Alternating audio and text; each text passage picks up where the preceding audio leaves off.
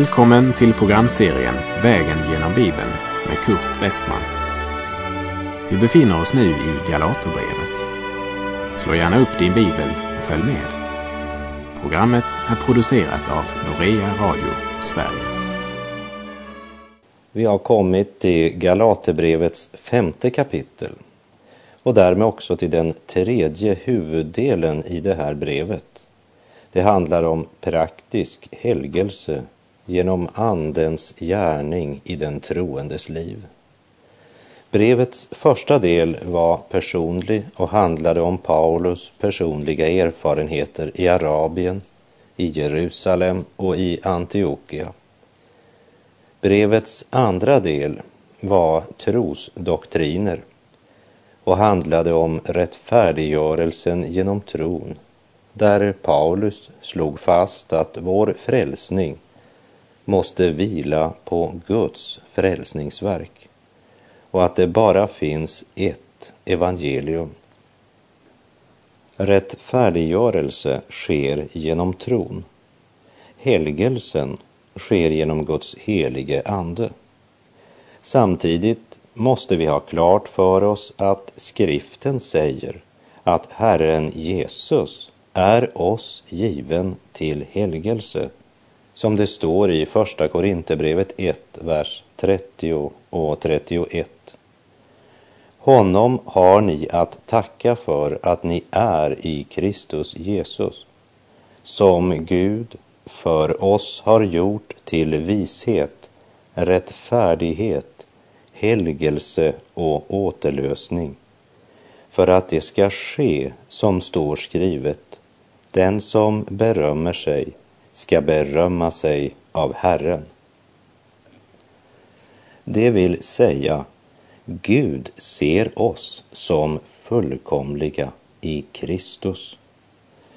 Oberoende av hur god eller helhjärtad du blir så kan du aldrig hålla måttet inför den helige Gud.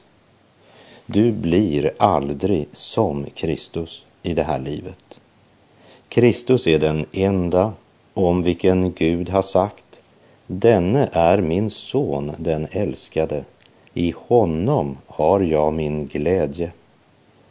Men kroppen, det vill säga församlingen som består av troende, har blivit satta i Kristus och Kristus är kroppens huvud. Helgelsens väg är genom den helige Ande. Och i det här avsnittet ska vi se på anden kontra köttet. Antingen så är det gör det själv kristenliv eller också får Kristus göra det genom dig. Och det är Guds metod. Kristus verksam i dig. Vi ska också se på frihet kontra slaveri.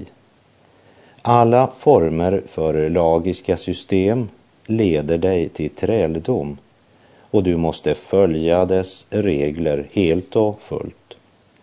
Därför säger Paulus att om du blivit frälst genom tron men lever ditt liv under lagen, då faller du ut ur nåden.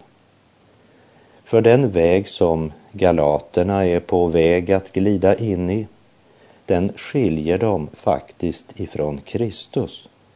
Det är den yttersta konsekvensen av att välja lagens väg. Och det vi nu läser här i kapitel 5, det måste ses i sammanhang med det han tidigare har sagt i kapitel 4 om Hagar och Sara om trälkvinnan och den fria kvinnan och deras söner. Vi läser Galaterbrevet 5, vers 1. Till denna frihet har Kristus gjort oss fria. Stå därför fasta och låt inte på nytt er tvingas in under slavoket. En friköpt man ska vara fri och inte låta sig trälbindas under nya herrar. Det vore ju att förakta den som friköpt honom. Låt oss därför sluta med alla försök att genom lagen eller en massa regler finna vår livsväg. Gud har i Kristus välsignat oss med all den himmelska världens andliga välsignelse. Så jag behöver inte söka mera välsignelse från Gud. Men jag behöver vända mitt ansikte mot Gud och alla hans välsignelser. För jag lever i en kultur utan Gud och blir så lätt Guds frånvänd och upptagen av fel ting. Vi har frihet i Kristus, men det är inte en frihet för köttet. För det ville ju bara föra mig in i ett slaveri under synden. Det handlar faktiskt om ett liv som står högre än lagen. Som vi ska se när vi kommer till vers 16 där Paulus säger Vandra i anden så kommer ni inte att göra vad köttet begär. Jag har frihet i Kristus och den friheten består inte i en lag men i en princip. Han har fött mig på nytt och gett mig ett hjärta som vill vara honom till behag. Och därför borde jag leva för att behaga Herren, inte behaga dig eller någon annan människa eller någon organisation, men behaga Kristus. Till denna frihet har Kristus gjort oss fria. Stå därför fasta och låt er inte på nytt tvingas in under slavoket. Och vi läser Galaterbrevet 5, vers 2. Se, jag Paulus säger er att om ni låter omskära er kommer Kristus inte att vara till någon hjälp för er. Omskärelsen var lagens emblem. Ett emblem talar om vilken organisation eller grupp du tillhör. Kanske kristna borde bära ett emblem eftersom det är det enda sätt på vilket man kan se att en del människor är kristna. Men Paulus säger att om du tar på dig lagens kännetecken som är omskärelsen så är inte Kristus dig till någon hjälp. Han säger alltså att om du tror på Kristus plus något mera så är du inte frälst. Judaisterna sa lagen och Kristus. Paulus säger lagen eller Kristus. Det måste vara ett antingen eller. Lagen står nog visserligen i frälsningens tjänst, men den är bara en spegel vars uppgift är att avslöja för oss att vi är syndiga och behöver en frälsare. Men lagen, den kan aldrig frälsa oss ifrån synden. Paulus drar den totala konsekvensen av det här och säger att den som vill rättfärdiggöras genom lagen är skild från Kristus. Det är starka ord. Vi läser vers 3. Jag försäkrar er än en gång, var och en som låter omskära sig är skyldig att hålla hela lagen. Vi kan inte bara plocka ut ifrån lagen de saker som passar oss. Du kan inte utelämna straffet som väntar den som bryter lagen eller hoppa över en del detaljer som inte passar. Antingen så måste du hålla hela lagen eller också välja en annan väg. Och jag tycker att det är underbart att veta att jag inte är under lagen. Jag äger friheten i Kristus. Även om jag inte alltid lever till hans ära och behag. Men det är honom jag önskar behaga, för det är han som har köpt mig fri. I mötet med honom så ser jag att jag är fri i samma grad som han får lov att vara min Herre. Friheten i Kristus betyder inte att jag lever utan ansvar för något eller någon. Jesus har inbjudit mig att leva ett nytt liv under hans herravälde. Han som vet vad jag var skapad till och vad som verkligen ger livet innehåll och mening.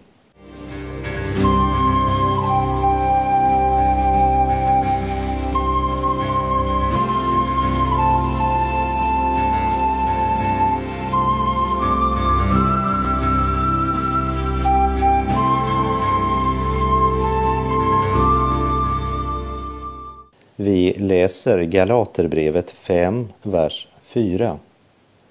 Ni har kommit bort ifrån Kristus, ni som försöker bli rättfärdiga genom lagen. Ni har fallit ur nåden. Judaisterna beskyllde ju Paulus för att göra Kristus till en syndens tjänare därför att han förkunnade frälsning genom tro alena utan krav om laggärningar. Men förmaningarna vi möter senare i kapitel 5 visar att Paulus är inte emot att man håller Guds bud. Men han säger att om du gör laggärningarna till villkor för frälsningen har du fallit ur nåden.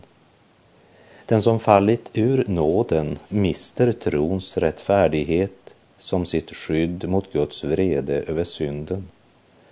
Och då står alla lagens heliga krav kvar och människan är räddningslöst förlorad. Men Paulus har inte satt sitt hopp till laggärningar. Hör vad som är hans hopp. Vers 5. Vi däremot väntar i anden genom tron på den rättfärdighet som är vårt. Det finns två mäktiga Guds gärningar som skiljer den ofrälsta människan från människan som lever med Gud. Och det är frälsning och helgelse. Som vi redan sett så är frälsningen rättfärdiggörelse genom tron och det är helt avgörande. Helgelse är att du efter att du blivit frälst är kallad att leva ett helt nytt liv. Och jag tror att ett av de kristnas största misstag, det är att tro att det viktigaste är vår tjänst för Gud och att man därför så fort som möjligt ska försöka bli aktiv. Men det är inte sant. Den första tidens kristna var mycket mer upptagna av hur man levde än av vad man gjorde. Och de visste att livet är det viktigaste vittnesbördet vi ger i världen. Idag går världen förbi våra församlingar för vi är så upptagna av våra aktiviteter men vi har inget liv som understryker vårt vittnesbörd. Och istället för att försöka göra gott borde vi leva det liv Gud har kallat oss till. För om vi behagar Kristus så kommer vi också att göra gott. Jag tror att Romarbrevet och Galaterbrevet handlar mera om helgelse än om något annat. Men hur gör Gud en syndare god? Han ger honom en ny natur. Och då ska han hålla lagen? Nej. Och jag upprepar mitt nej så eftertryckligt jag kan. Men det betyder inte att han bryter lagen. Det betyder att han lever på ett högre plan. Det finns inget gott i vår gamla natur. Romarbrevet 7, vers 18 säger Ty jag vet att i mig, det vill säga i mitt kött, bor inte något gott. Viljan finns hos mig, men att göra det goda förmår jag inte. Och vi ska komma ihåg att det är som frälst Paulus ropar i Romarbrevet 7.24. Ja, arma människa, vem ska frälsa mig från denna dödens kropp? Han är inte rädd för att förlora frälsningens gåva, barnaskapet hos Gud. Men han är en besegrad, slagen kristen. Gud ger en ny princip. Och här i kapitel 5 så ska vi se att denna nya princip den kallas för Andens frukt. Men att leva sitt kristna liv efter denna gudomliga princip, det är lika främmande för många bekännare som att bosätta sig på månen. De har aldrig väntat sig att leva där. De har kanske inte ens hört att det är möjligt. Trons frukt är det liv som Herren önskar att vi ska leva genom tron. Vi är frälsta av nåd och vi ska leva av och genom nåd. Vi väntar oss i anden att genom tron vinna den rättfärdighet som är vårt hopp, säger Paulus. Och Paulus levde här och nu ett liv där Kristus genom tron bodde i hans hjärta. Så Paulus spekulerar inte så mycket på om det som ska ske i framtiden, men på att äga Kristus nu. Och alla olika spekulationer omkring brudens uppryckelse, slaget vid Harmageddon, tusenårsriket och mycket annat har inte haft så stor plats bland de första kristna. Alla dessa profetiska spekulationer har till största delen blomstrat upp i det sista århundradet.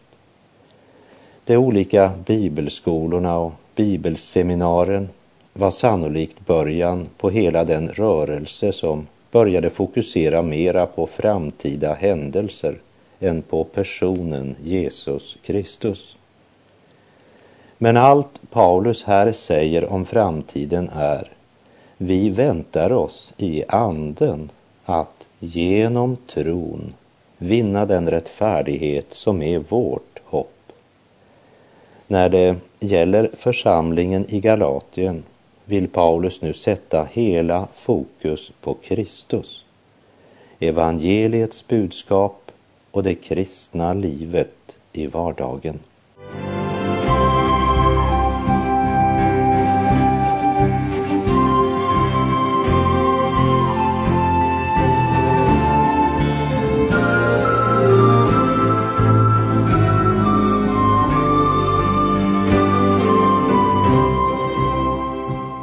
Vi läser Galaterbrevet 5, vers 6. Ty i Kristus Jesus beror det inte på om vi är omskurna eller oomskurna, utan om vi har en tro som är verksam i kärlek. Ingen lag, inga regler eller paragrafer kan skapa Kristusliv. För en människa blir ju inte kristen genom att försöka uppföra sig som en kristen. Lika lite som en apa kan bli en människa genom att uppföra sig som en människa. På cirkus så klär man ju gärna en apa i fin kostym, lär den att sitta vid ett bord och äta med kniv och gaffel. Kort sagt, de får apan att uppföra sig som en människa. Men det gör aldrig apan till en människa. Lika lite blir människan, du och jag, en kristen genom att försöka följa vissa lagar och regler och uppföra oss som kristna. Det måste ske en ny födelse. Det som är omöjligt för människan måste ske och det är Gud som måste göra det. Och han gör det genom sitt ord och genom sin helige ande. Det beror inte på om man följer vissa yttre regler, men om vi har en tro som är verksam i kärlek. Kort sagt, Är tron levande så bär den frukt. Och frukt är ju inte något vi producerar. Men om vi som grenar är förbundna med stammen så bär vi frukt. Och kärleken är en av Andens frukter. Vi läser vers 7. Ni började bra. Vem har nu hindrat er så att ni inte längre lyder sanningen? Ni löp bra, eller startade bra, står det i en annan översättning. Paulus beskriver ofta kristenlivet som ett lopp. I Första Korinthierbrevet 9 säger han Vet ni inte att av alla löparna som springer på en tävlingsbana är det bara en som får priset? Spring så att ni vinner det. Och alla som tävlar underkastar sig i allt hård träning för att de ska vinna en segerkrans som vissnar. Vi för att vinna en som aldrig vissnar. Jag löper alltså inte utan att ha målet i sikte. Så för Paulus handlar det inte om ett passivt trosliv, utan han underkastar sig hård träning och löper inte utan att ha målet i sikte. Men inget av det han gör, gör han för att förtjäna frälsning. Men han gör det därför att han är rättfärdiggjord av tro. Och så hade också de troende i Galatien börjat. Och Paulus frågar rakt ut. Vem är det som har påverkat er så att ni inte längre lyder sanningen? Och sanningen, det är evangeliet om Jesus Kristus. Galaterbrevet 5, vers 8. Till det har ni inte blivit övertalade av honom som kallade er. Det de nu börjat med kommer inte från Kristus. Det kommer alltså från en annan och man kan inte lyda två herrar. Vers 9. Lite surdeg syrar hela degen. I Bibeln, både i det gamla och det nya testamentet, så är surdegen alltid använd som en bild på ondskans princip. Jesus varnade också sina lärjungar och sa att de skulle akta sig för fariseernas och saduceernas surdeg. I Matteus 16.12 står det, då förstod de att han inte talade om att akta sig för surdeg i bröd, utan för fariseernas och saduceernas lära. Och jag tror att det är behov idag för att varna för alla former för lagiskhet eller prestationskristendom som säger att när Jesus dog för oss på korset så var det viktigt, men om du ska få del i hela frälsningen så måste du genomgå ett eller annat ritual eller dop eller söka den helige Ande för att få tag i allt sammans. Kära vän, jag mottog allt då jag kom till tro på Herren Jesus Kristus. I Romarbrevet 10.17 står det Alltså kommer tron av predikan och predikan i kraft av Kristi ord.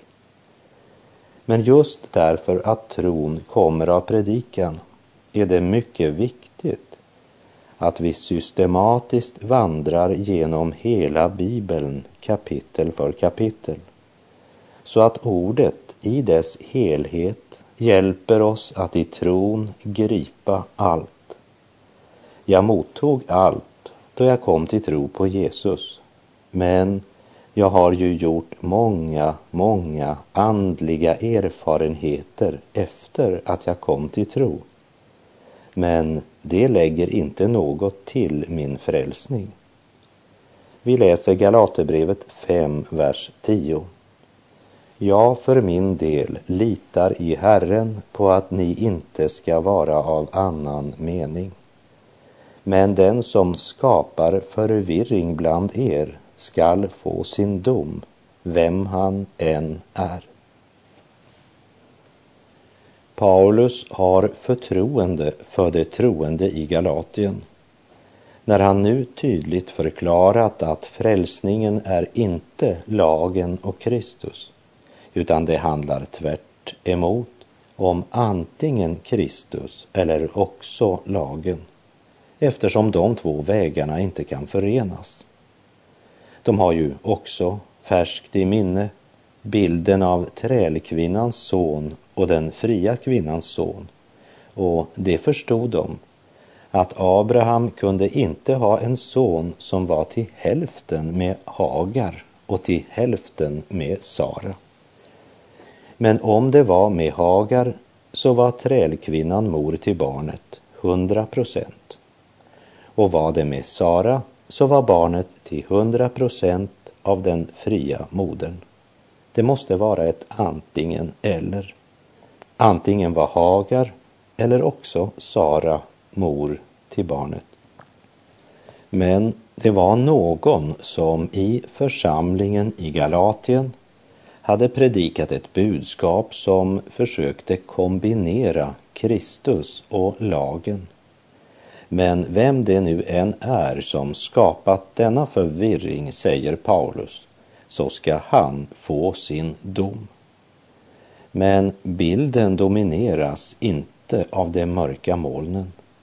Vi väntar oss i anden att genom tron vinna den rättfärdighet som är vårt hopp, hade Paulus tidigare vittnat. Och då går mina tankar till något som Paulus skrev till församlingen i Rom, Romarbrevet 5, vers 1 och 2. Då vi alltså har förklarats rättfärdiga av tro har vi frid med Gud genom vår Herre Jesus Kristus. Genom honom har vi också tillträde till den nåd som vi nu står i och vi jublar i hoppet om Guds härlighet. Jag för min del litar i Herren på att ni inte ska vara av annan mening, skrev Paulus till galaterna. Paulus litar också på att de troende i Galatien är i Herrens bevarande händer. Om än Paulus har en herdes kallelse så är det överherden han sätter hela sin förväntan till. De hade börjat så bra i Galatien, men det hade kommit förkunnare dit som höll på att förvirra dem och under sken av att hjälpa dem till att bli mera andliga hade de i verkligheten hindrat dem att lyda sanningen. Och de var därmed på väg bort från friheten i Kristus. Och nu är det dig och mig det gäller. Paulus vänder sig till oss. Du började bra. Låt nu ingen förvirra dig, utan vänta dig i anden att genom tron vinna den rättfärdighet som är ditt hopp. För den som utan att bygga på gärningar tror på honom som förklarar den ogudaktige rättfärdig, honom räknas hans tro till rättfärdighet, pris ske Gud.